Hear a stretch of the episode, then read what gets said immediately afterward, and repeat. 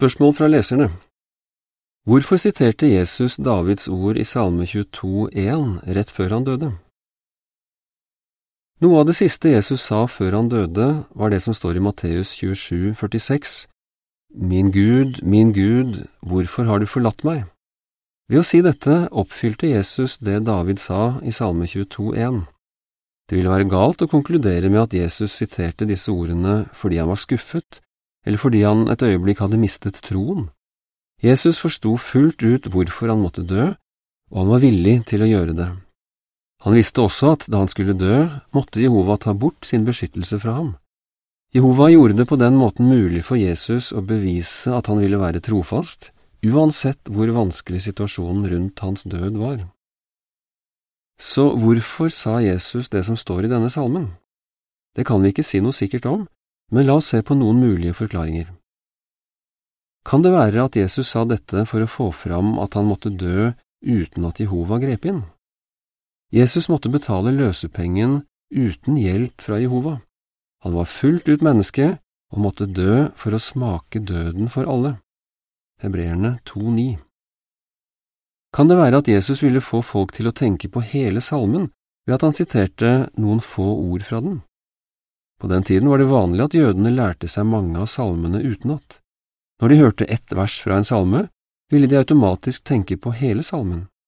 Hvis det var dette Jesus ønsket, hjalp han sine jødiske disipler til å huske de mange profetiene i denne salmen om det som gjaldt hans død.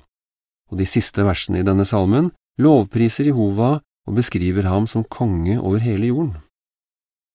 Kan det være at Jesus siterte Davids ord for å understreke at han var uskyldig? Før Jesus døde hadde det blitt holdt en ulovlig rettssak mot ham, der han ble dømt for blasfemi. Rettssaken ble holdt i all hast om natten, og brøt helt med de reglene som gjaldt for rettssaker. Ved å sitere dette retoriske spørsmålet kan Jesus på en måte ha sagt at han var uskyldig og ikke fortjente den straffen han hadde fått.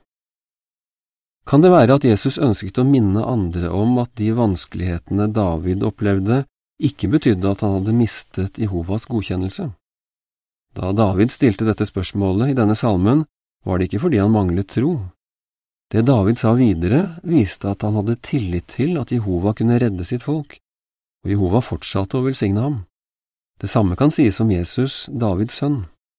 Det at han måtte lide på torturpælen, betydde ikke at Jehova ikke lenger godkjente ham.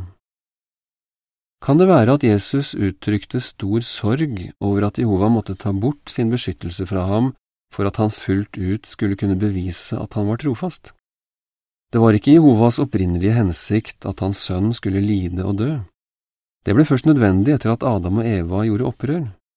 Jesus hadde ikke gjort noe galt, men han måtte lide og dø for å besvare de spørsmålene Satan hadde reist, og for å betale den løsepengen som var nødvendig for å kjøpe tilbake det menneskene hadde mistet. For at dette skulle bli mulig, måtte Jehova for en kort stund ta bort sin beskyttelse fra Jesus for første gang i hans liv.